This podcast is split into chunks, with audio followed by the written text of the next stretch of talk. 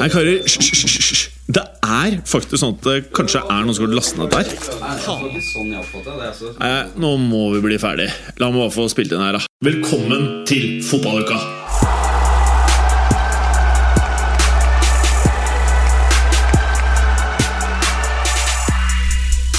I dagens episode av Fotballuka Vi har eh, to eh, Globentrotter i studio i dag. Hm, Hva kan det bety, da? Vi pleier jo vanligvis bare å være fire.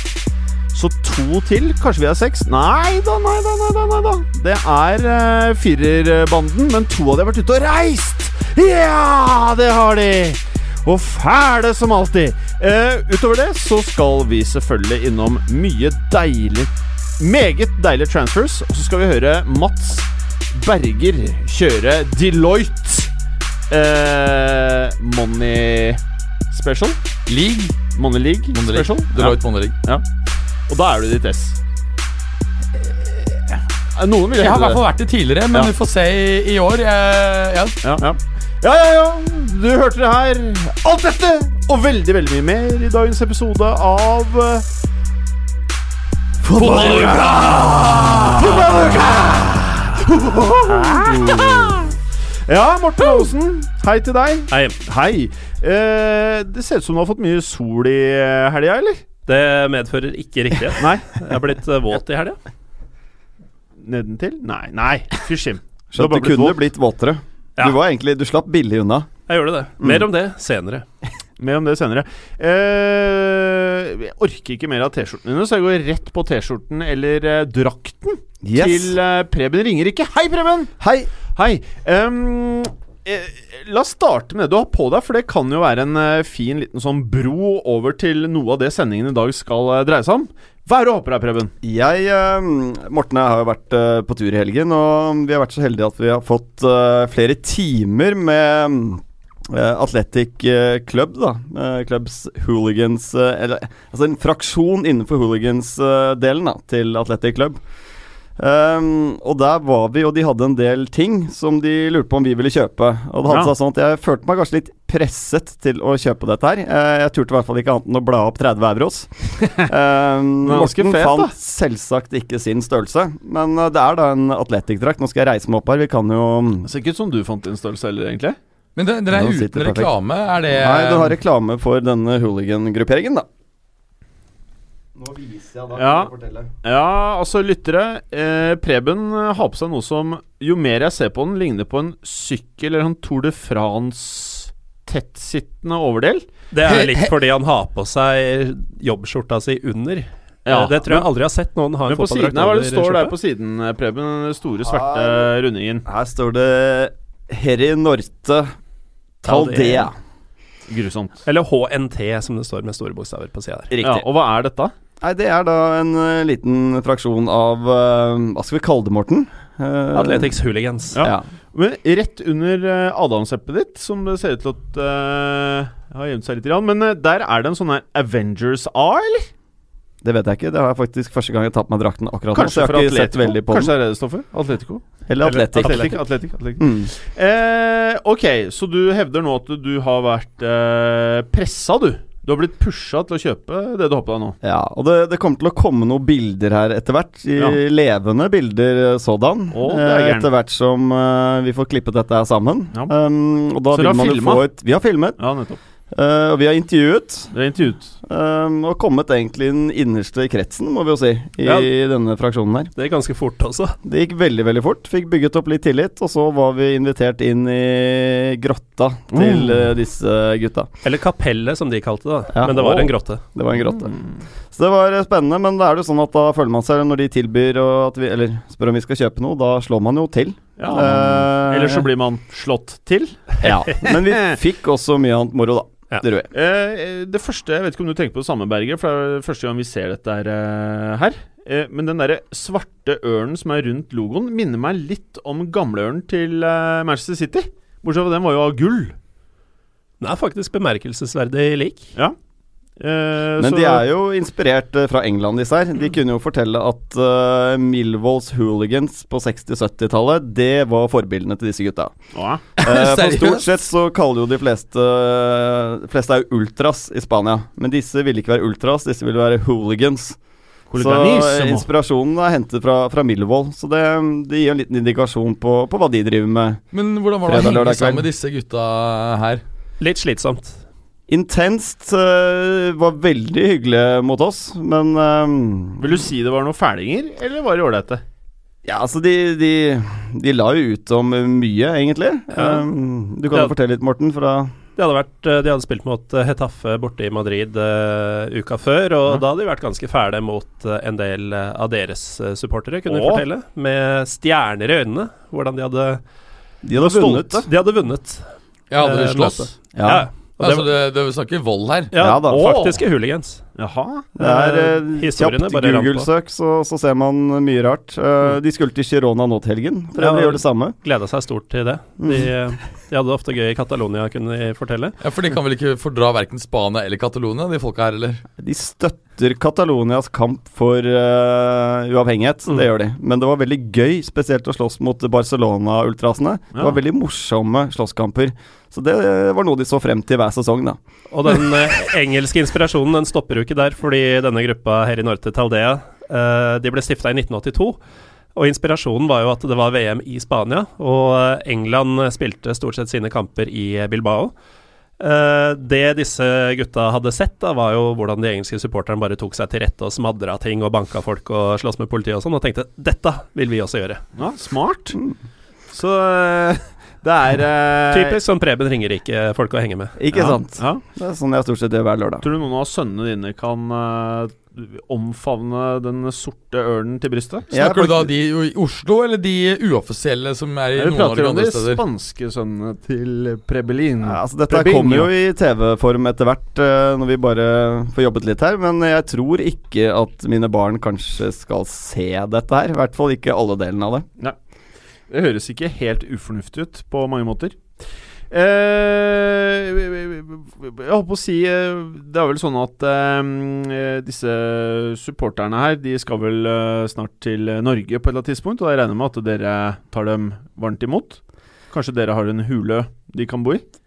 Ja, hva skal vi si til det? Um, vi fikk jo tilbud om å henge med de dagen etter vi hadde egentlig hadde ikke fått for det, vårt. Um, vi, Vi var plutselig veldig travle, merka vi. Ja, vi hadde veldig mye avtaler, og fant heller ut at det var hyggelig å gå på en uh, litt bedre Pinchos-restaurant. Ok. Så um, Vi kan jo røpe at uh, det kommer et par eh, spesialepisoder uh, med podkast fra uh, denne turen deres. Både i fotballuka og i den andre eh, podkasten. Den andre podkasten. Så det er bare å glede seg til. Rett rundt hjørnet. Ja, det er rett rundt hjørnet. Og ja, det blir jo fælere enn noe. Det Så det. det er jo fint. S- er det noe mer vi skal si om turen deres? Eller skal vi Vi kan jo droppe litt i episodene fremover også. Vi trenger ikke å pushe alt ut nå. Vi kan jo også nevne at vi har vært og gjort et intervju med personer i Athletic Club, Ja. Uh, som kunne fortelle en del om historien, um, om hva skal jeg si tankene om Baskeland, rivaleriene Uh. En del snacks, altså. Er det noen var- sånne rivalerier man kanskje ikke tenker på, som man uh, fikk innsikt i når man først pratet med dem? Ja, Definitivt. Vil du dele rivaleriet? Skal vi spare det, Morten? jeg lurer på det. Jeg tror vi sparer det vi- til podkastene. Kan jo nevne at uh, det, vi, kampen vi så på, var jo et uh, baskisk derby mellom Atletic og Eibar. Ja. Vi tenkte at det kanskje skulle være litt sånn halveksplosivt. Uh, det var det ikke. Nei. De var eh, bestevenner, rett og slett. Og det var de stort sett med de baskiske klubbene. Ja, det var slik at uh, de Athletic Hooligans-gutta vi, vi hang med, de, de sa hadde ikke de heid på Athletics, så hadde det vært Eibar. Ja. Så de kunne Eh, slåss eh, side om side mot ja. andre, eller? Det er baskerne mot resten av Spania. Mm. Så de slåss ikke mot Eibar-fans i det hele tatt? Nei. Hva med Real, Real Sociedad-fans? Nei. Nei, okay. Vi, vi satt jo på pressetribunen, og rett foran oss på noen av de bedre plassene på stadion, så var hele rekka omtrent var Eibar-fans, fikk vi se, da de scora. Da var det vill jubel eh, rett foran oss, og det var jo den type plasser du ville tro det var lokale sesongkortholdere som hadde. Mm. Og de fikk ikke noe pes. Ja. Jeg skjønte eh, i hvert fall på bildene at det var en flott eh, stadion der. Fantastisk. Eh, liten tvil om det. Den er jo relativt ny, den er bare tre år gammel. Så mm, vi var litt misfornøyd Ja, med fasilitetene på prestetribunen. Vi hadde jo forventet litt uh, ordentlig oppvartning der, rett og slett. Uh, men det var kaldt og jævlig. Mm. Og ikke noe mat. Ikke noe mat, og ikke noe alkohol i krana. Det var Nei. alkoholfritt. Det var gedigen nedtur for uh, presse fra Norge. Oh, ja? ja. Nei, De visste tydeligvis ikke hvem de hadde på besøk. Nei, jeg hadde ikke, ikke gjort researchen sin. var. Men veien fra å være gira og synes det var litt sånn luksuriøst og kult og faktisk ha tilgang til pressetribunen og sånt nå, til å være misfornøyd med fasilitetene, den var kort. Det var fryktelig kort. Men jeg skjønte at det var eh, god eh, akustikk i denne, sta på denne stadion. Det er Veldig. Det er nesten som å sitte innendørs. Det er jo Ja. bare et lite høl i toppen der som er eh, åpent. Og godt var i og for seg, for det altså, bøtta jo ned. Ja. Altså Det var lynte og tordna før kampen, så det var ordentlig grisevær. Ja. Så det var greit. Men Og det var, under kampen. Og under kampen. Men det var et eh, bra støynivå der, altså. Ja, når de først begynte. Og Ja. det får en til å tenke på. For det var en liten gjeng eh, på jeg vil tro under 1000 som sto i hjørnet der og, og kjørte opp, og du hørte det ljoma skikkelig.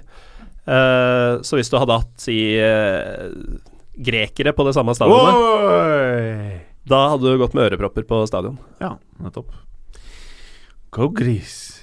Uh, skal vi bare elegant hoppe over til det som Du sa det jo som best, eh, Gallosen. Eh, du ble jo våt. Man kan jo bli våt av dette januarvinduet her, for dette her er jo det sjukeste Åpenbart det sykeste januarvinduet vi kan huske i, så lenge vi har sett på fotball.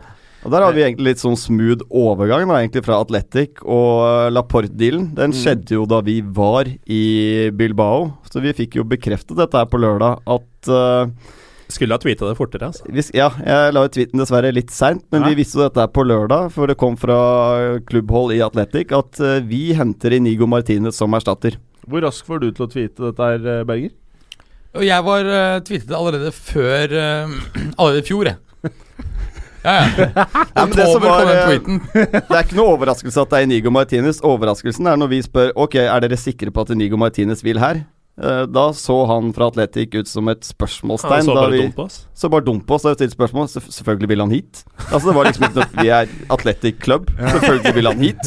Vi er største klubben i Baskeland. Han vil hit. Vi bare tar utkjøpsklausulen, så er han her på mandag. Så de er eh, Real Madrid-Barcelona av eh, Baskeland, Ja. Det, I hvert fall ifølge Nå har ikke vi snakket med representanter i Real Sociedad, men uh, våre venner i Atletic Club kunne fortelle at uh, selvfølgelig vil du spille her. Det er den største klubben. Hmm.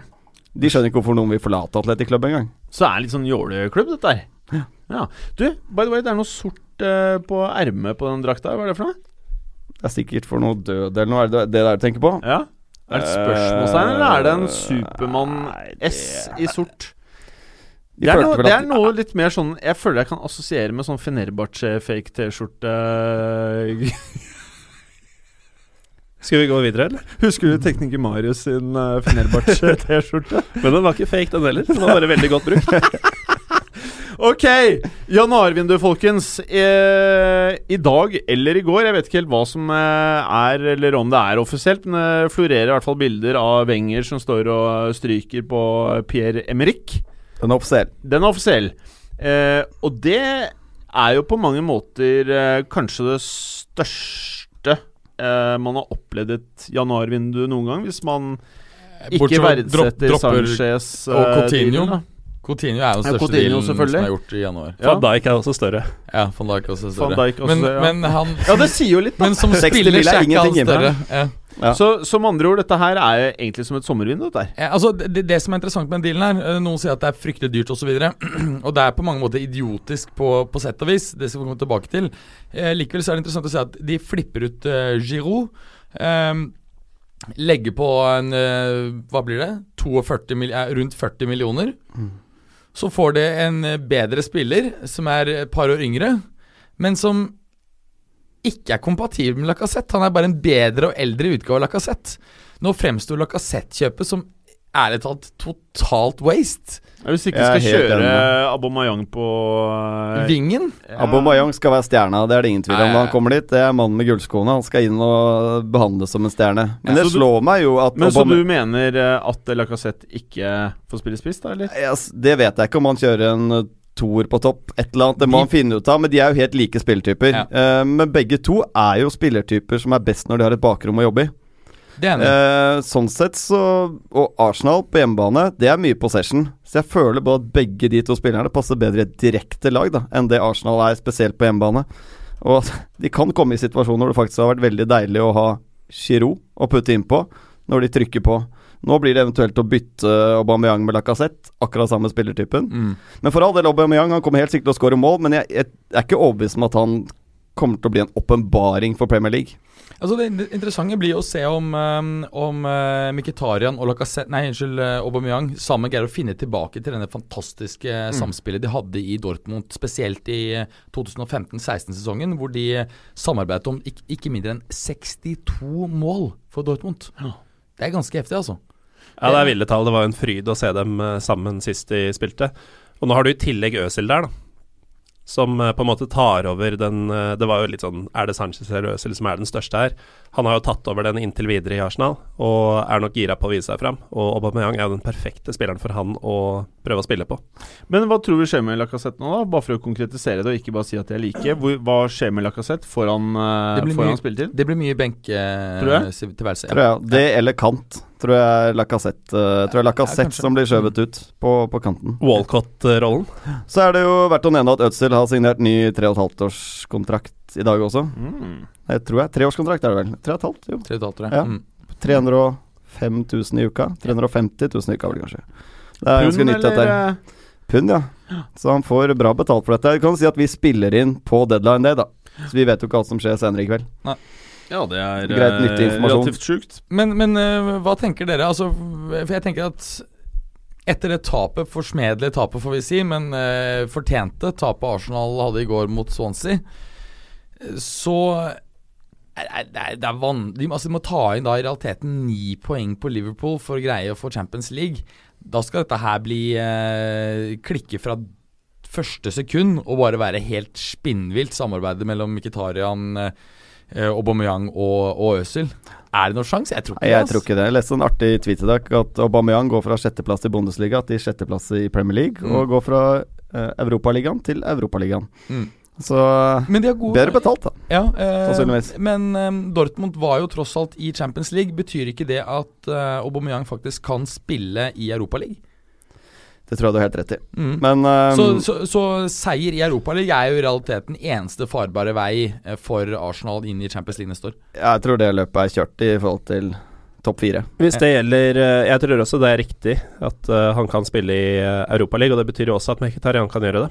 Ja, ja. Så de er kraftig forsterka der, og de ser nok, og har innsett for lenge siden, vil jeg tro, at det er det de må gjøre. Litt sånn som AC Milan nok også tenker. Mm. Eh, Berger, du som eh, er like våt på transfers eh, som meg.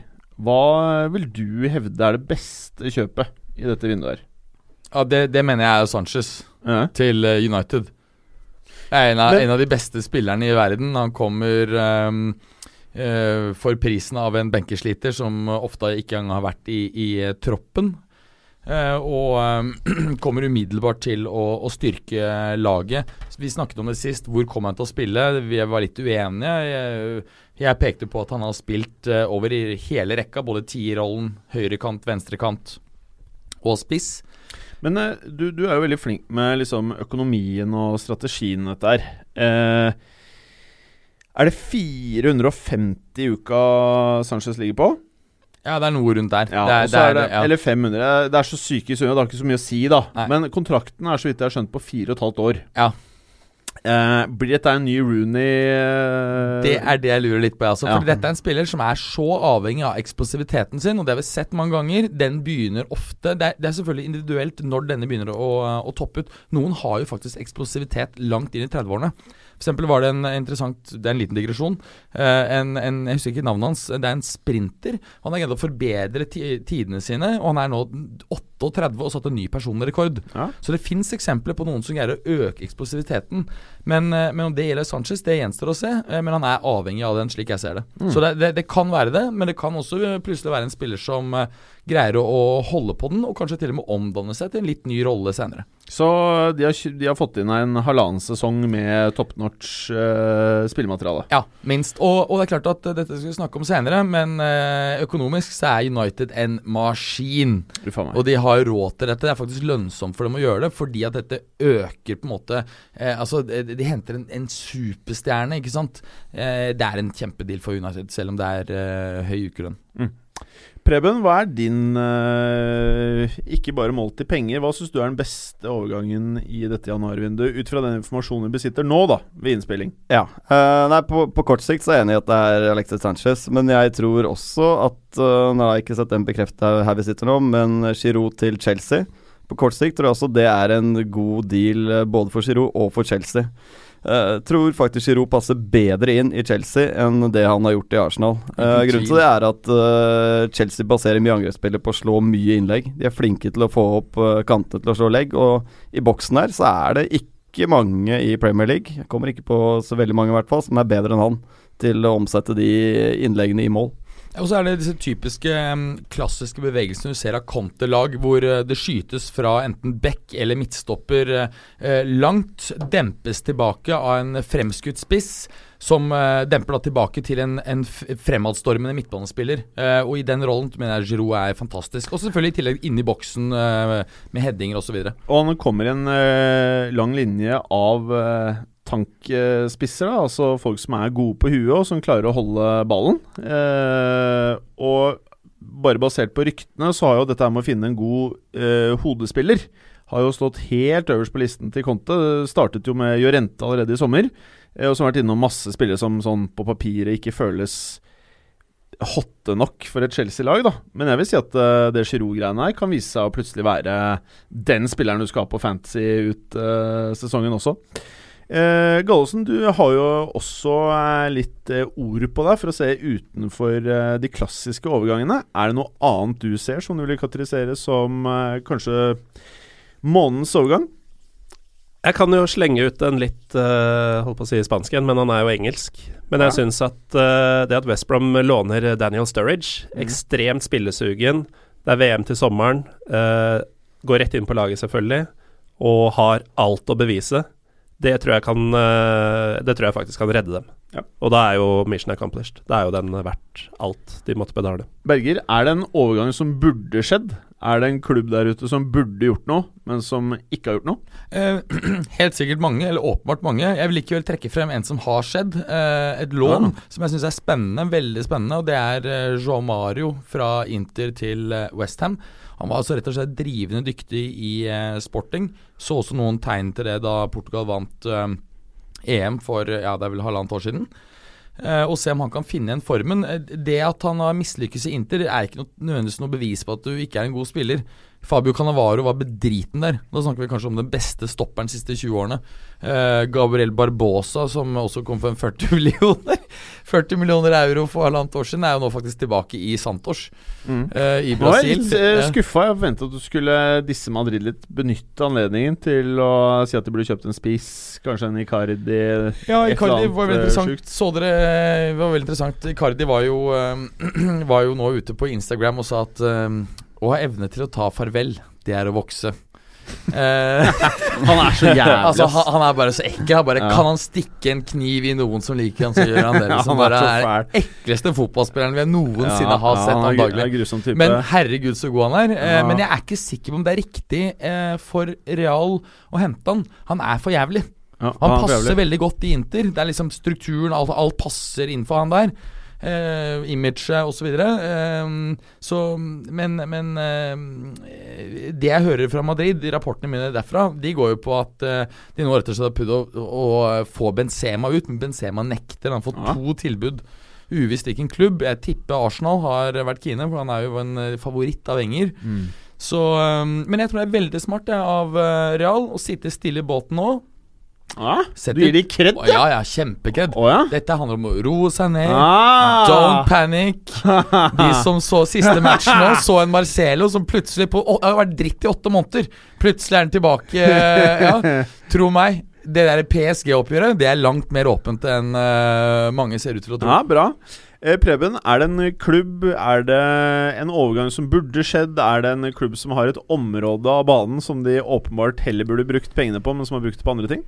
Eh, ja jeg, kan, De fleste klubbene har jo enten gjort gode handler, syns jeg, eller så I hvert fall topp seks-klubbene. Det virker som de er det Hvis vi snakker Premier League her, da, så det, virker det som de klubbene er de klubbene som faktisk har ambisjoner om å vinne noe. Resten er jo en sånn overlevelsesgreie. Uh, men jeg tenker i forhold til Arsenal, da om uh, Jeg er usikker på om Aubameyang gjør de så veldig mye sterkere. Jeg tror de heller burde brukt eh, 60 millioner euro på å styrke sentral midtbane. Men uh, tror de hadde gjort dem til et bedre lag. For det er Så det igjen mot Swansea i går. Uh, det, er, det er for tynt sentral. Altså Chaka blir aldri god nok for uh, Jeg er ikke så sikker på det, men han er ikke god nok nå, kanskje? Eller Ja, men nå har han holdt på lenge. er I, så, ja, hvor lenge er det? Snart to sesonger? Er det så lenge? Jeg syns det begynner å bli lenge. Okay. Men okay. Uh, de må gjøre noe sentralt på midten. Nei, det er jeg uenig i. De må gjøre noe på toppen. De må gjøre noe med k- Det er jeg eierskapet. enig. Og de må gjøre noe med treneren. Det er der det sitter. Ja, ja. Det er jeg i og for seg enig i. Mm. Eh, Etalle, har du noen ting som kanskje burde skjedd, eh, skjedd i dette overgangsvinduet som ikke har funnet sted, som du å trekke frem? Jeg vil gjerne snakke litt eh, om tysk fotball. Jaha, Naturligvis. Mm. Ja, nydelig. Jeg kan først nevne et par lag jeg vil hedre for hva de har drevet med. Eh, Köln, som så helt fortapt ut. De har fått inn Vincent Cosiello fra NIS. Og det er en overgang som har fått folk som kjenner fransk fotball litt, til å sperre opp øynene, fordi det var en fyr som både var fanfavoritt og skulle bli det nye store i NIS. Ja. Som liksom ikke har Han har ikke tatt de stegene, men han er fortsatt en fyr som man venter på at skal slå til, eh, og som man venta skulle gå til en mye bedre klubb. og Köln har da kjøpt han, og i tillegg så har de eh, fått inn Simon Terodde fra benken til eh, Stuttgart, som foreløpig på tre kamper har redda fire poeng for dem. Så der er en snuoperasjon i gang, og de har faktisk fått litt vind i seilene. Eh, Schalke de har eh, leid inn Marco Piazza fra Juventus. Han eh, debuterte med scoring, og har i tillegg, som de gjør hvert vintervindu, henta en spiller fra Nürnberg i andre Bundesliga. Det har vært su suksess med de to forrige. Nå har de henta U21-spissen Cedric Teuchert, som man eh, bør følge med på. Det er også en klubb som har Altså toppskåreren har sju mål, så det er veien inn til laget å få noen sjanser for han, er kort. Så har du Dortmund, da, i motsatt ende. Der uh, har det ikke skjedd uh, all verden. Det vil si, de har uh, renska opp litt i midtforsvaret. Uh, de har kvitta seg med Neven Subotic og Mark Bartra, som vel gikk til Betis, eh, var det vel. Riktig. Eh, fått inn eh, Manuel Akanji fra Basel, som de betalte ca. 20 millioner euro for. Og håper at han skal redde det defensive der, sammen med Ømer Toprak, vil det vel bli. Mm. Eller Sokratis. Oh. Men eh, problemet er jo at de, det går jo dritt for dem, og de skårer ikke mål. Og så selger de Aubameyang, og foreløpig har det ikke kommet noen inn der. Uh, Ja, men Michi uh, Batshuayi er vel nesten Nei, klar? 99 klar her vi Ja. sitter nå, vel. ja, må Ja. skje om noen timer, da. Uh, fortsatt ikke blitt uh, lansert. Nei, men det- det- den, den er vel ganske klar når Giroud-overgangen er klar. Så det her er jo en klassisk Vil jo tro, de, vil jo tro de har en eh, plan, men eh, det er rart at ikke dette bare er gjort for lenge siden. For nå sitter vi her siste kvelden, og det hadde jo vært typisk for eh, den veien den pila har pekt for Dortmund de siste par årene, at eh, dette også skulle skjære seg, og så sitter du igjen med Alexander Isak, som ikke er klar. Akkurat han derre Batshuayi føler jeg det er mange engelske klubber som eh, egentlig burde kasta seg litt på. Det er sikkert ikke så enkelt å kjøpe av Chelsea hvis du er i England, men jeg syns egentlig han virker litt spennende. Problemet for Eh, er jo at han gidder jo ikke sitte på benken i en annen klubb nå. Han skal være førstevalget når han går til en ny klubb. Uh, han har jo angivelig takket nei til Tottenham i dette vinduet her. Uh, en Fernando Llorente Batshuayi-byttehandel. Som visstnok har blitt diskutert, men han vil ikke være nummer to bak Harry Kane heller. Så, og det er jo ingen av topp seks-lagene vel han spaserer rett inn på, sånn som jeg ser det sånn kjapt i hodet nå. Så Nei, da måtte det blitt en mindre klubb i så fall, og det er kanskje ikke så interessant igjen. Så Men eh, vi må også nevne Chelsea her, da. De, de har jo da ikke hentet uh, Djeko, eh, men heller uh, Giroud. Men eh, Emerson Palmieri får eh, 20 millioner euro pluss 9 millioner i mulige bonuser. Det mener jeg er en veldig god eh, transfer. Roma måtte selge litt spillere fordi at de har et FFP-krav som eh, må oppfylles før 30.6. Eh, Palmieri kom fra, mm, kom fra Brasil, var det Palmeiras, for eh, ganske nøyaktig en tiendedel for akkurat tolv måneder siden. Det er ganske interessant. Hyggelig med tigangeren på tolv måneder. Er Nesten Ja, ja. krypto, eh, krypto-style over eh, verdistigningen. Og Chelsea har endelig fått den backupen for Alonso som de trenger. Uh, nå har Emerson vært ute i lang tid med en skade, så han vil nok bruke litt tid på å spille seg i form. Men uh, hvis i hvert fall Alonso kan få noen kamper avlastning her, så vil jo det hjelpe veldig. Ja, altså uh, Emerson har bare spilt eh, 15 minutter Serie A-fotball hittil Ja. i sesongen.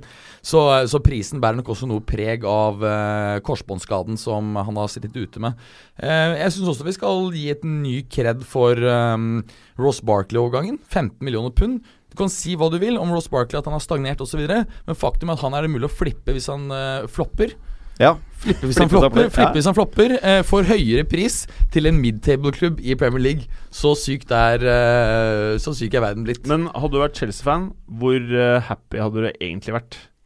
Det er greit å tjene penger, men eh, det er veldig få fans som egentlig bryr seg om det lenger, føler jeg. Eh, jeg, jeg er kanskje en av de få. Ja, jeg er jo veldig opptatt av liksom, sunn økonomi eh, for uh, Ja, jeg liker det også, Juve, men ja. jeg syns kidsa driter helt i det. ja, men de, Altså- er jo, de Ja, de pådrar gjør seg jo kredittkortgjeld left, right and center. Er helt tjukke i huet, er det ikke det? Men det er litt sånn make or break da for uh, Ross Barkley nå. Han er jo en såpass alder nå at nå må han prestere. Jeg, jeg føler at han fort kan bli danne sentral midtbane med Jack Rodwell på et eller annet tidspunkt i en eller annen ganske dårlig fotballklubb. Ja, altså han, han Um, tror jeg hadde hatt mye bedre å uh, gå til Tottenham og Porcettinos uh, guidance, for å si det sånn. Og kanskje burde han gjort det tidligere også. Mm. Det er litt for seint. Noen andre transfers, Gallosen, du som uh, har uh, hipsterradaren oppe til enhver tid? Jeg sperrer hipsterøynene opp for at Monaco bruker 19 millioner pund på en 16-åring fra Mm. Genoa. Pietro Pellegri. Og det er Ja. interessant du nevner det, fordi at eh, sist da du begynte å snakke om han eh, Roma midtban unge midtbanespilleren, Pellegrini, Ja. så ble jeg helt satt ut, for jeg hadde aldri hørt at han var linka til Juve. Men eh, Pietro Pellegri var, hadde jo sagt ja til Juve. Og så kom eh, Monaco inn fra vingen og sa at hør her, vi gir deg dobbel lønn, og du får spille. Og da er det jo ingen tvil om at det er smart av spillerne heller gå til Monaco. Men jeg må innrømme at han har jeg sett minimalt av. Uh, han er 16 år. Men det, det føles jo litt som om de nå kanskje har funnet uh, det eh, erstatteren til det de håpa at Mbappé skulle bli. da En fyr som de bruker matcher allerede fra ung alder og bygger opp til uh, å bli noe av det største verden har sett. Det som er interessant, da er det, altså dette er bare for å si litt om uh, Pietro Pellegri. Dette er en høy kraftspiss. Han er 1,90 høy. Uh, har skåret Er vel en av de yngste i Europa noensinne som har skåret to mål i én uh, ligakamp. Eh, det som er interessant, er at i motsetning til f.eks. Mbappé, så har han ikke et vilt skårings... ehm, eh, altså track record på eh, lavere nivåer da han var sånn 13-14-15. Han skåret selv sånn helt greit med mål. Så det er en sånn spiller Det er en, det er en, det er en annen type spiller enn Mbappé, altså. Det, han er en sånn litt sånn kraftspiss, men har, ser ut til å ha decent teknikk også. Ganske bra teknikk. Kan jo nevne, siden du sa at han er lova spilletid, så har jo Monaco solgt spissreserven Guido Carillo, som er noenlunde samme spillertype, 1,87 høy, til eh, Southampton. Så jeg tror veien inn til benken, i hvert fall til å begynne med, er, eh, er kort for, eh, for Pellegri. Ja, det, det, det jeg også tror. Så jeg tror det er et uh, veldig godt valg av uh, Pellegri selv. Når det gjelder eh, prisen, så, så um, inneholder den også et par andre elementer, og det er jo uh, se hvor har jeg, eh, Jo, nei, blant annet så skal, så skal Genoa få um, 10 av overgangssummen, hvis, eh, neste overgangssum, hvis det er 40 millioner euro eller mer. Ikke da av overskytende, men av hele driten. Så eh, for Genoa så er dette en kongedeal også. Hmm. Monaco betaler dyrt, så det er klart at de, eh, de satser jo på at ikke Det spørs hva som er dyrt lenger. Ja, altså Men- la meg si sånn Bettet her deres det er jo at dette ikke er en boble. Da, at dette er en vedvarende priser vi ser eh, det siste akselerasjonen over, over det siste året. Men hvor mye var det Ødegaard kosta i tilsvarende alder? Var det sånn 40 millioner eller noe sånt? Kroner? Ja, mindre, tror jeg. Ja, mindre. Ja, ikke sant? Og man, man stussa jo over det. Mm. Hvem er det som betaler det for en 16-åring? For ikke å snakke om han Venicius-fyren mm. i fjor. Ja, han er jo den, den dyreste. For det, er jo den dyreste spilleren i den alderen, bortsett fra Venicius Junior, som kostet 45 millioner euro. Og som jeg leste nå nylig, satt på benken I Brasil? over et par kamper. Ja. Eh, det jeg bare tenkte, det er midt i transfer-delen Er det ikke litt spennende å ta en liten oppdatering på eh, Golden Shoe? Eh, jo, men kan ikke ta så Jeg tror jeg tar den nå, jeg, Berger. Ja, okay. Eh, og da vet vi jo at eh, Harry Kane ikke bare er toppskårer i Premier League, men også i Europa. Eh, 21 mål. Og vet du hvem som er på andre, Berger? Vi har prata litt om han. Eh, Neymar. Chiro. Chiro Det er selvfølgelig er Immobile det Chiro Mobley. Uh, oh Med med God, 20 det- mål. Det, Ja. det hadde jeg ikke calla i starten av sesongen. Nei, jeg eh, var jo mindre negativ til han. Du var jo veldig negativ til han. Han er en sånn type som må koses med. Han må være hjemme i Italia, få maten av eh, Altså, ja, få italiensk mat. Han må ha pasta. Ja, må ha pasta. Ikke sant. Det er det greia der. Altså, syns, jeg, jeg syns aldri Chiro Immobile er noe god i banespillet. Altså, når jeg ser matcher med Chiro Immobile, syns ikke han er noe god, men så skårer han to mål. Det er litt sånn når jeg ser Icardi også. Egentlig helt usynlig, og så skårer han et par mål. Det, det er akkurat Det er litt sånn den spillertypen, da. Eh, Ja, ja. Jeg, Ja. jeg er helt enig. Og apropos når du nevner det, så møttes jo nå Genoa og Lazio uh, for liten tid siden. Og da skårte nettopp Pietro Pellegri et uh, mål som uh, VAR-systemet rett og slett ikke fanget opp at var en var, var, hand, var hands? Hands. Hans. Hands? Ja, det var litt rart sagt. hands. Ja. En hen, hands. En hands. Um, et, altså, altså Produsenten greide ikke å levere nøyaktig nok bilder. Um, Simone Insagi var eh, litt sint, men det sies at fordi at broren hans har skåret så mange lignende mål, så greide, greide han ikke helt å kritisere Pellegri så mye. Så Men vet du hvem andre som skåret nøyaktig eh, like mye som Giro? Det vet jeg. Hvem er det da? Edinson Cavani. Helt riktig. Og det er jo en spiller vi har anerkjent som en av verdens beste spisser, men at eh, han kanskje scorer på det som virker litt vanskelig. Og det som eh, vi tenker kanskje vi kanskje hadde klart å rulle, rulle inn, det, det bommer han av og til på, da. Ja, altså Han er jo kanskje verdens beste på å komme seg til sjanser, men han er ikke verdens beste avslutter. Nei.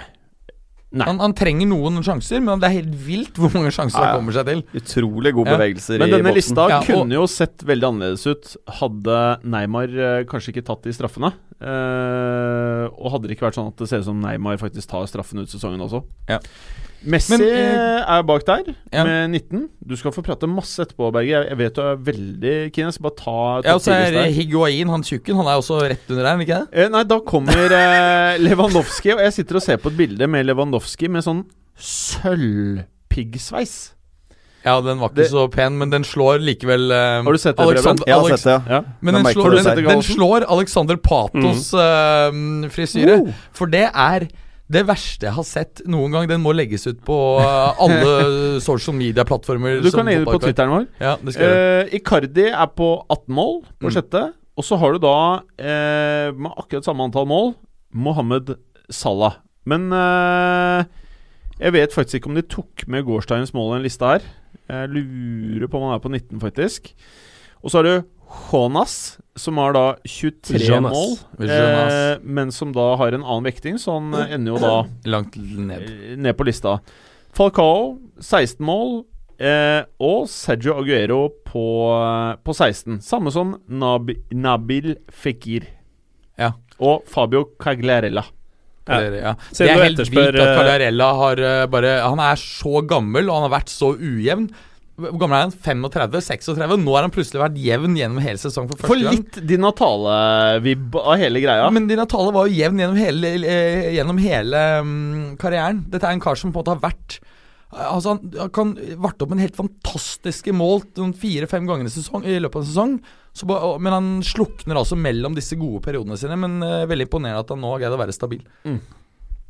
Eh, noe annet vi ønsker å ta tak i i uh, transfer window, før vi skal over til det jeg vet er høydepunktet for deg, Berger. Preben. Vi må jo snakke om Emerick Laporte. Altså, det er 65 millioner euro. Vi er nesten oppe på van Dijk-nivå her. For en spiller Nei, vi er 20, gode 20 millioner fra. Ja, Det er så Så mye det er, penger at det er i ja. hvert fall Så det er langt unna. lassevis av penger. Men uh, det er jo et helt uferdig er, produkt de kjøper der. det er en liten Ross Barkley unna, faktisk. Det er en spiller som Mm. ikke er dødsgod på noen ting. Uh, er sånn jevnt over god på det meste. Uh, og det jeg har sett han, så gjør han mye rart. Uh, konsentrasjonssvikt. beina? Jo, men han prøver på veldig mye vanskelige ting, og det fikk vi også bekreftet av våre venner da vi var på tur i Bilbao i helgen, at uh, lokalfansen der syns det er helt fett at han drar. Eh, s- mye bedre å få inn Inigo Martinez, er stemningen. Eh, så da kan man jo lure på hvorfor City ikke har gått etter Inigo Martinez for halve summen. Vet ikke, men det kan fort bli Jeg syns ikke han forsvarer en prislapp på 65 millioner euro. Men tror du ikke det er de ballspillende egenskapene? Altså Vi vet jo at Peps eh, aller våteste drøm Det er jo å ha elleve midtbanespillere på banen. Spillestilen er jeg helt enig i, det er jo akkurat det han vil ha. Men eh, de kommer til å få en fyr som uh, tar i overkant mye sjanser, og driter seg ut med jevne mellomrom. Ja, fordi Noe jeg har tenkt på med han, fordi at Laporte hans, Jeg mener at hans store svakhet Det er at han er ganske treg. Ja, helt riktig. Ja, Og litt av problemet da, hvis du skal spille et spill hvor du står veldig høyt med backfireren din, er at uh, ved et gjennombrudd så vil ikke han greie å ta det igjen. Der kan du si at uh, van Dijk er mye bedre. Han har en viss hurtighet. Helt klart. Eh, og det er det jeg syns er på en måte ankepunktet. Ved, han må i hvert fall ha en veldig rask eh, eh, partner bak der, altså. Hvis ikke så kan det være nettopp den type ting som kan felle City. Men Pep har i hvert fall tatt tak i forsvarskrisen. da. Fem av de seks største, er det det? Eh, altså Dyreste overgangene for forsvarsspillere er det Manchester City som står for. Det er bare van Dijk som topper hele greia, ellers så har du Laporte, Mendy, Walker, Stones og Mangala tilbake i tid. da. Og det er direkte latterlig når Pep går ut nå jeg var det går det foregårs og sier at Nei, men altså vi kan ikke kjøpe spillere vi for 100 Når du ser de pengene de har brukt Og det, det tror jeg han sier bare fordi han ønsker å understreke at Hør her, jeg kjøper meg ikke til suksess, jeg utvikler spillerne. Ja. vi må ta en annen fyr òg, det er Lucas Mora, som vel ingen har sett spille fotball på ett år. Eller i hvert fall et halvt. I hvert fall veldig lite. Ja, Mm. Det kan være en veldig god overgang for Tottenham, tror jeg. jeg tror hvis han kommer tilbake på det nivået som han er på sitt beste, så kan han være den eh, kreative kraften offensivt da, som de trenger for å ta ytterligere et steg. Helt enig, han kan være en kjempe, kjempeving. Eh, en annen ting eh, det er jo at eh, PSG de trenger å selge spillere før 30, eller reisekapital gjennom spillersalg for 70 millioner euro før utgangen av juni. Eh, prisen som nevnes for Lucas Mora Jeg trodde vi skulle se 35 millioner euro der og 35 millioner for Pastore, og så er den gjort. Prisen er såpass lav at eh, de da trenger en høy pris for Pastore, e- eventuelt selge enda mer. Så ser vi at eh, City linkes veldig tett til Mares etter uh, Sanés skade. Leicester krever 70 millioner pund. Siste jeg fikk opp her nå, er at eh, City har budt 65. Jeg tror Hvis ikke den dealen closes, så tror jeg kanskje at de henter Pastore. Fordi Pastore kan spille venstreving. Han er riktignok høyrebent, mens Sané er venstrebent. Men eh, Kan være. det kan være, fordi at han var jo linket mye til Inter, men Inter ønsker lån. eh, fordi de har ikke råd pga. FFP, så du har på en måte der er det ikke mulig å få til noe, rett og slett. Så den kan kanskje mm, Interessant Ja, liten nuggets. ja, ja. Så må vi jo nevne at uh, nordmann er på vei til Premier League, da.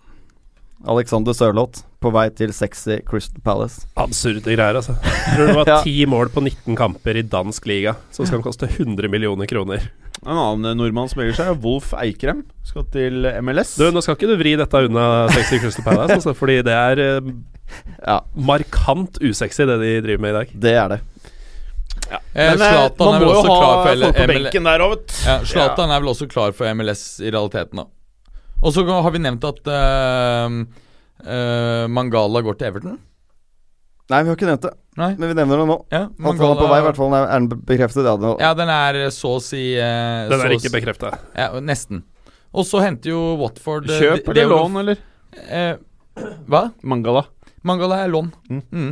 Eh, og så går Delofeo til Watford fra Barca. Barca låner ut litt spillere, bl.a. Rafinha til Inter, med en voldsomt stor um, eh, opsjon Mm. på nesten 40 millioner euro. Jeg tror ikke den kommer til å bli Ja, eller det er Inter, så det kan You skje. never know. Ja. Så um, det, det skjer en del ting her, men jeg tror uh, vinneren i overgangsvinduet Jeg vil si kanskje Barca, jeg. Også hentet Jeremina, spennende midtstopper, ung. eh, bare 12 millioner euro fra Palmeiras, i tillegg til Deulofeo og Rafinha ut på lån. Andre vinneren, Hva er en vinner av et transfermarked, egentlig? Det er en som er det kommer godt ut av det. Mesterspenn, eller? Ja, men eh, jeg, jeg skal driste meg til å si noe her nå. Og det er at det er på den spanske høysletten du finner to lag som har gjort eh, kanskje aller best, sammen Barca. Jeg tror eh, Atletico, når Costa nå er eh, på plass her, så tror jeg Real har gjort det helt riktig. Helt riktig. Sitt stille i båten, så begynner maskineriet å komme i gang.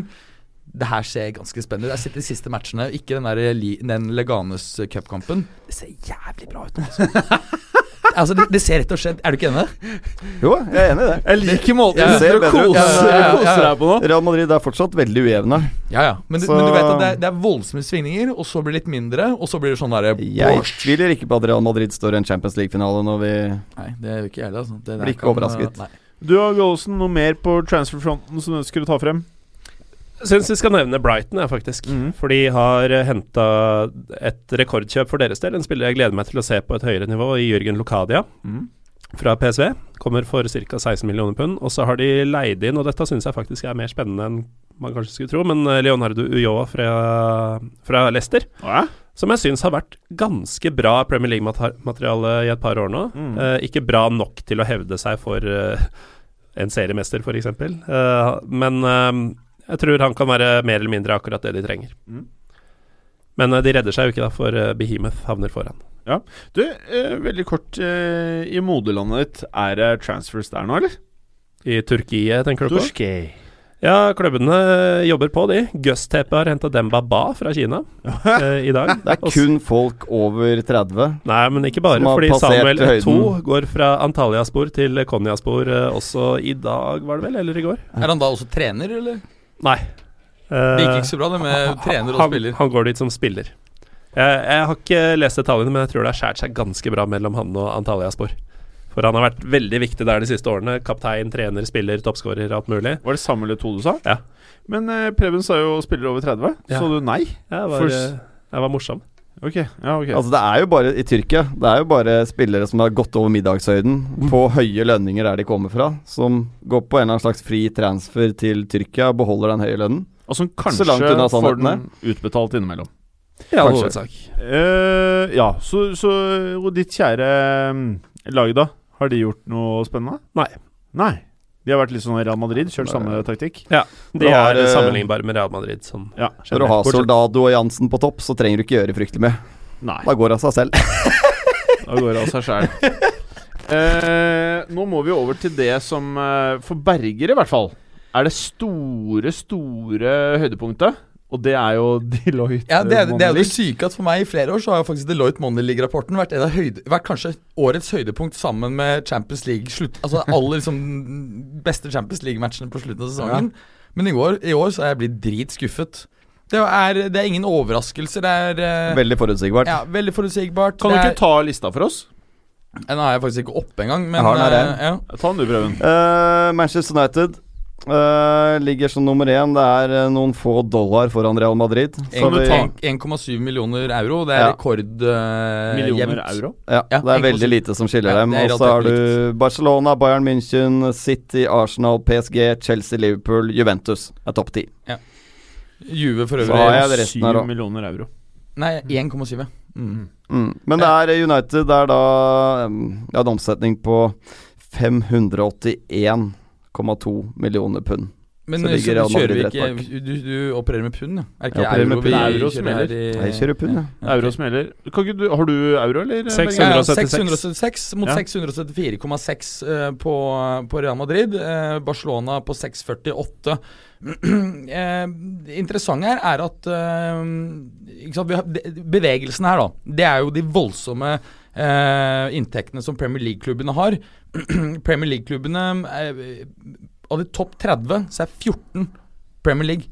Det er ganske he- heavy. Det er 10 av topp 20-listen. Ehm, og Bortsett fra det, så er det verdt å merke seg at uh, Real Madrid har flest følgere på sosiale medier. De har stor økning i kommersielle inntekter. Og det, det, det kan være et tegn her nå til at uh, United og Real Madrid er på, er på vei til å rykke fra. Rett og slett. Det er min spådom at kan skje, rett og slett. Ehm, ellers er det interessant å merke seg at Inter, av alle, har en psyko økning i kommersielle inntekter etter, etter at de ble kjøpt av elektronikkgiganten eh, Suning. De har en økning fra i fjor på 137% i kommersielle inntekter, på tross av at ikke de er i eh, Champions League. Og for lyttere som lurer på hva kommersielle inntekter innebærer for en fotballklubb, så er det Eh, sponsoravtaler, draktsalg, alle den type ting. Nøkkelringer Ja, alt. Yes. alt. Suvenirer. Mm, Det går ikke så bra for eh, byrival eh, AC Milan, som for første gang er utenfor topp 20. Ja. Det, dette her er så sjukt. Altså, de er faktisk altså, um, For 13 år siden så var de den tredje rikeste klubben i verden. Nå har de la, noen, noen millioner lavere inntekter enn for 13 år siden i den boomen du har hatt i fotballen. Og det, det er altså en av de Ja, det er vilt. Det er vel den nest mest suksessfulle klubben i verden eh, historisk etter Real Madrid. Og det er bare kollapsa. de har gått ned, det er jo helt sjukt når du ser på den listen her. Så Ja. det man først legger merke til, er jo den enorme eh, rikdom bare fra i fjor, da. Hvor mye rikere alle klubbene har blitt i år. Mm. Og fotballklubber har jo aldri vært så rike som de er nå. Nei, det er, det er helt riktig. Og, og så er det verdt å merke seg at eh, eh, Europa gir ikke så veldig høye inntekter, men United har fått en ganske god chunk med 44 millioner euro for seieren. slik at for å vinne Europaligaen får du nå bra betalt. Eh, den best betalte klubben fra Uefas hold og gjennom eh, deltakelse i Europacup er Juventus. De setter ny verdensrekord med 110 millioner inntekter. Det er over 25% av Juves inntekter fra uh, da den tapende finaleplassen. En verdensrekord? Ja, Grunnen til at de får mer enn Real Madrid, eksempel, det er fordi at systemet er slik at eh, La oss si at det er fem land representert i kvartfinalen så er det slik at eh, hvis det er uh, tre Da deles da inntektene som skal fordeles, bare på fem. Aha. Og så deles de ned på landnivå. Og fordi Juventus da hele tiden var det eneste italienske laget, så fikk de da alt alene. Mens du da hadde fordeling eh, på andre land.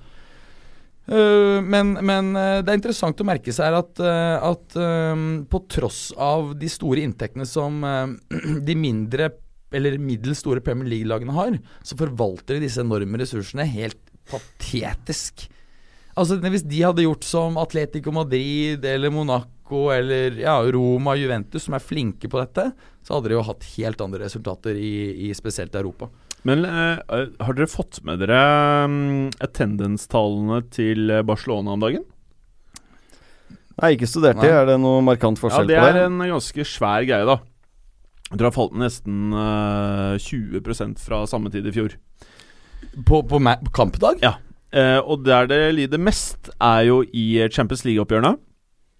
Hvor eh, stadion er sjelden full. Eh, tror ikke den har vært full én gang i år, bortsett fra eh, et par eh, Copa-kamper, alle ting. Det er sikkert noe med billettprisen å gjøre, vil jeg tro. Eh, og i, nå har jeg lest bare Jeg måtte gå li, saumfare litt hvordan økonomien til Barcelona ser ut. Eh, og hva som er planene fremover. Og sånn jeg har forstått det, så er planen at de eh, frem til 20 Enten 2024 eller 2025 eh, er ute etter å da eh, gå opp 40 omsetningsmessig. Eh, og hvor de da eh, kommer nå til Og det tror jeg har litt med kjøpet av Coutinho å gjøre. Litt sånn unge spillere som kanskje har litt sånn flashy profil. Eh, de er sikkert opptatt av Instagram-følgere, Twitter-følgere, sånne ting som vi kanskje vi som liker å se fotball, kanskje driter litt i, eh, men som er viktig for klubber i 2018. Eh, og noe av det de skal gjøre, er jo å skifte reklamebyråer og eh, PR-systemer og operatører og alt mulig. Eh, og det de også sier, da, selvfølgelig, og det er jo litt eh, spesielt, og det tror jeg har noe med at La Liga ikke er spesielt spennende i år. Eh, det var en av årsakene. Og så sier de at eh, så fort det blir varmt, så blir eh, stadion full igjen, da. Men eh, det er en nedgang på 20 fra i fjor. Eh, så er det jo lett da å si at det er Neymar. Er det det at Neymar er borte? Eh, det er umulig å vite, men det er jo litt sånn Jeg føler det var litt sånn det starta i Italia, den nedgangen. At du hadde litt færre som kom på kampene. Og så ble det en litt sånn, litt sånn nedadgående spiral. Eh, og så kan man se tilbake på den tiden. Hva var det som egentlig skjedde? Det kan jo ikke bare være at eh, det var kjipere TV-sendinger og kjipere stadioner. Det, det, må ha vært mer ting. Det var skandaler. Det er mye som spiller inn. Men uh, la oss bare håpe at ikke det her er starten på en sånn type greie i Spania. Til, uh, ettersom det er et av de største lagene der, da. Kanskje det største. Okay. Ut fra vår erfaring i Bilbao så er det vel ingen grunn til å tro at det er en generell greie. Det var rimelig fullt mot uh, Eibar. Mm. Ja, det var det. det er, men, har, men, har ikke Barcelonas fans uh, i, altså de som er Barcelona-basert, kjent for å være ganske lite engasjerte? det har jeg hørt av mange som har vært på kamp der. Jeg tror det er fort gjort å bli blasert hvis du er fra Barcelona og har kamp nå to T-banestopp unna. da er det ikke så spennende å se dem mot Bate eller eller Levante. Eh, da venter du liksom til det er noe spennende som kommer, og så, så betaler du heller litt ekstra for billetten da, kanskje. Nettopp. Eh, en av grunnene også er jo at eh, jeg, bare dro frem én eh, greie her, da. Eh, og det er jo at eh, klassiske byer sånn som Manchester, London, Madrid, Barcelona, så er jo en stor prosentandel av de som går på match, er turister og businessfolk. Eh, og systemet i eh, Spania, jeg vet ikke om det er unikt for Spania nødvendigvis, da, men en av grunnene som Barcelona oppgir til at det har vært veldig vanskelig å fylle stadion i år, er nettopp det at eh, mange av de som ikke dukker opp, er sesongkortholdere. Og det er jo litt spesielt, da. Så, de har fått, eh, så det går ikke så mye utover inntektene, altså. Eh, det sier ikke så mye om. Nei, men altså, Hvis det er sesongkortholdere, så har du Ja, allerede Men det er betalt. det Nei, men det som, skjer hevder, er, eh, det som skjer i Spania, er sesongkort én uke før, eller jeg tror det er ti dager før, er som sesongkortinnehaverne uh, forteller klubben om de skal bruke billetten eller ikke. Sier at de ikke skal bruke den, så selger de billettene til uh, turister da, eller andre folk. eh, Siste uka før kampstart. Eh, så hvis de ikke gir beskjed om dette her, da, så vil man jo tro at disse skal dukke opp på kamp. eh, og så får man ikke solgt disse billettene. Mm. Så det kan jo være en årsak, uten at jeg vet noe fasit på dette her. Og det er heller ingen som legger igjen penger i kiosken på vegne av Riktig. de som ikke kommer. Um, er det noe mer vi ønsker å si rundt uh, Deloitte uh, Money League og hvordan klubbene farer om dagen? Jeg tror Mats konkluderte tidligere at den er eh, litt skuffende og kjedelig i år. Ja, ja, det var det, I topp 15 så er det to lag som beveger seg mer enn én plass siden i fjor. Hvem det er Leicester og Inter, Ja. som går opp henholdsvis Ja. seks og fire plasser. Mm. Ellers er det stillstand. Det er noen som går ned én, opp én, og veldig mange som står Ja. akkurat der de var. For eksempel akkurat rundt da Liverpool er på niende, Juve på tiende, Spurs på ellevte. Men det jeg kan si, da, det er at jeg tror faktisk at Spurs kommer til å ta over Juventus, eh, som har vært på tiendeplass nå i fire år på rad, i løpet av et par år. Hvis, spesielt hvis de greier å, å få et par uh, runs i, i Champions League. Den nye stadion osv. kommer til å, å trekke det oppover. Så, så Spurs eh, er nok uh, strukturelt sett on the rise uh, forbi Juve. Hvordan var det Atletico Madrid gjorde på den eh, rankingen? Tolvte, vel? Nummer 13. Ja. Rett bak Dortmund. Mm. Har de eh, vært på stedet hvil, eller har det gått opp, ned? Eh, De har vært på stedet hvil, eh, de også. Så, men det interessante der er jo når du begynner å få effekten av den nye Stadion? eh, ja, den, ja, den nye stadion. Mm. Wanda. Wanda Metropolitano. Mm. Mm. Nei eh, Er det noe mer vi ønsker å prate om i dag? Jeg Vi, kan nevne ja. Schalke, da, som egentlig er en svær Til å være i en tysk klubb, med, som ligger på 16.-plass, faller riktignok to plasser fra, fra 14. At ikke de gjør det bedre, er eh, litt rart.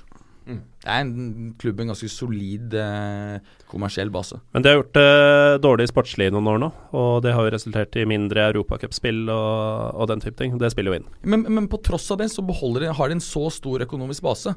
Ikke sant? Så det, Dette er jo en klubb som, som egentlig venter på å eksplodere på oppsida, tror jeg. Spesielt under den fantastiske Domenico Tedesco. Mm. Han er nesten gått forbi Julian Nagelsmann uh, rating-wise i Tyskland. Ja. Denne sesongen så gjør jo han det bedre. Uh, har riktignok en større og bedre klubb å jobbe med også, men det er jo første Det er bare andre A-lagsjobben hans. Han uh, hadde Aue i et halvt år fra og med denne tida omtrent i fjor til sesongslutt, og så ble han signa. Så er andre A-lagsjobben hans så Det begynte for et år siden, og selvfølgelig første i Bundesliga. Så det er enormt imponerende hva han har fått til der. Eh, noen her som tror Marata Morata skårer mer mål i denne sesongen av eh, Premier League? Blir Ja. benken da resten av sesongen. Hva, sesongen. Hva ender den på da? Ti? Faen at jeg ikke sa ti!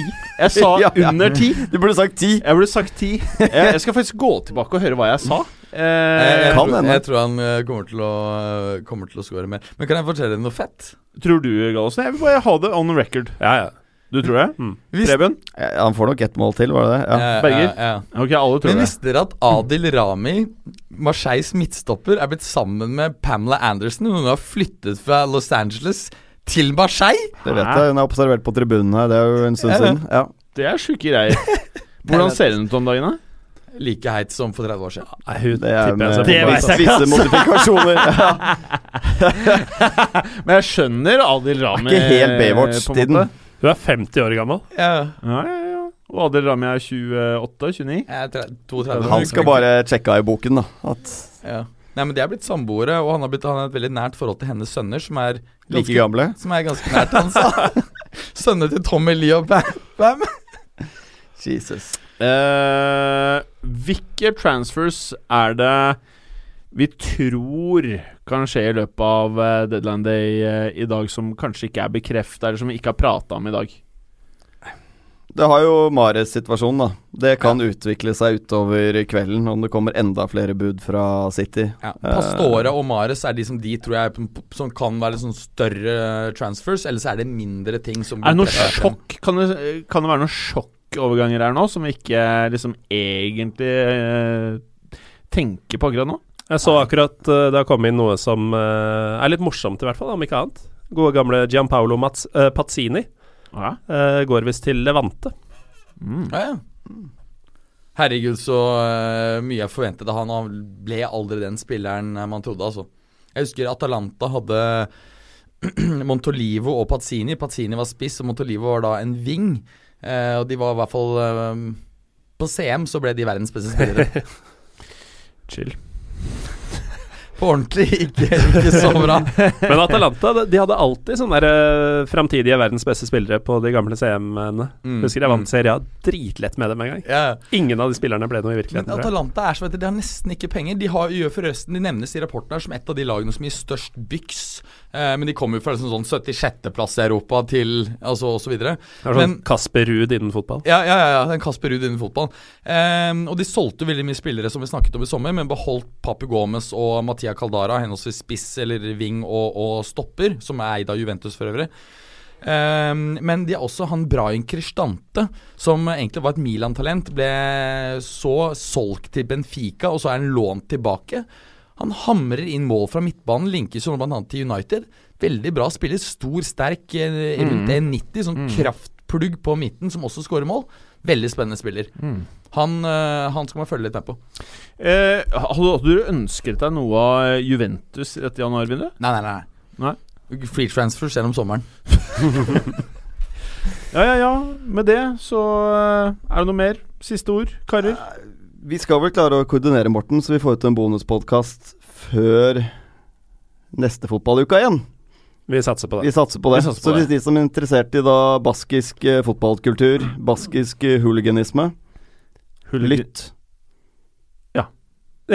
Veldig bra, og den kommer vel også da på den andre podkasten. Stemmer. Så Så, vi skal godt gjøres å gå glipp av den. Ja, det skal godt gjøres. Det er Pivo og Pyro. Stemmer. Bare omvendt. Om, ja. Veldig bra. Takk for i dag. Takk. Takk. Takk. Takk for i dag. Takk for at du gadd å høre på. Vi er Fotballuka på Twitter, Facebook og Instagram. Følg oss gjerne. Men bare få høre. Den tror jeg blir litt fet.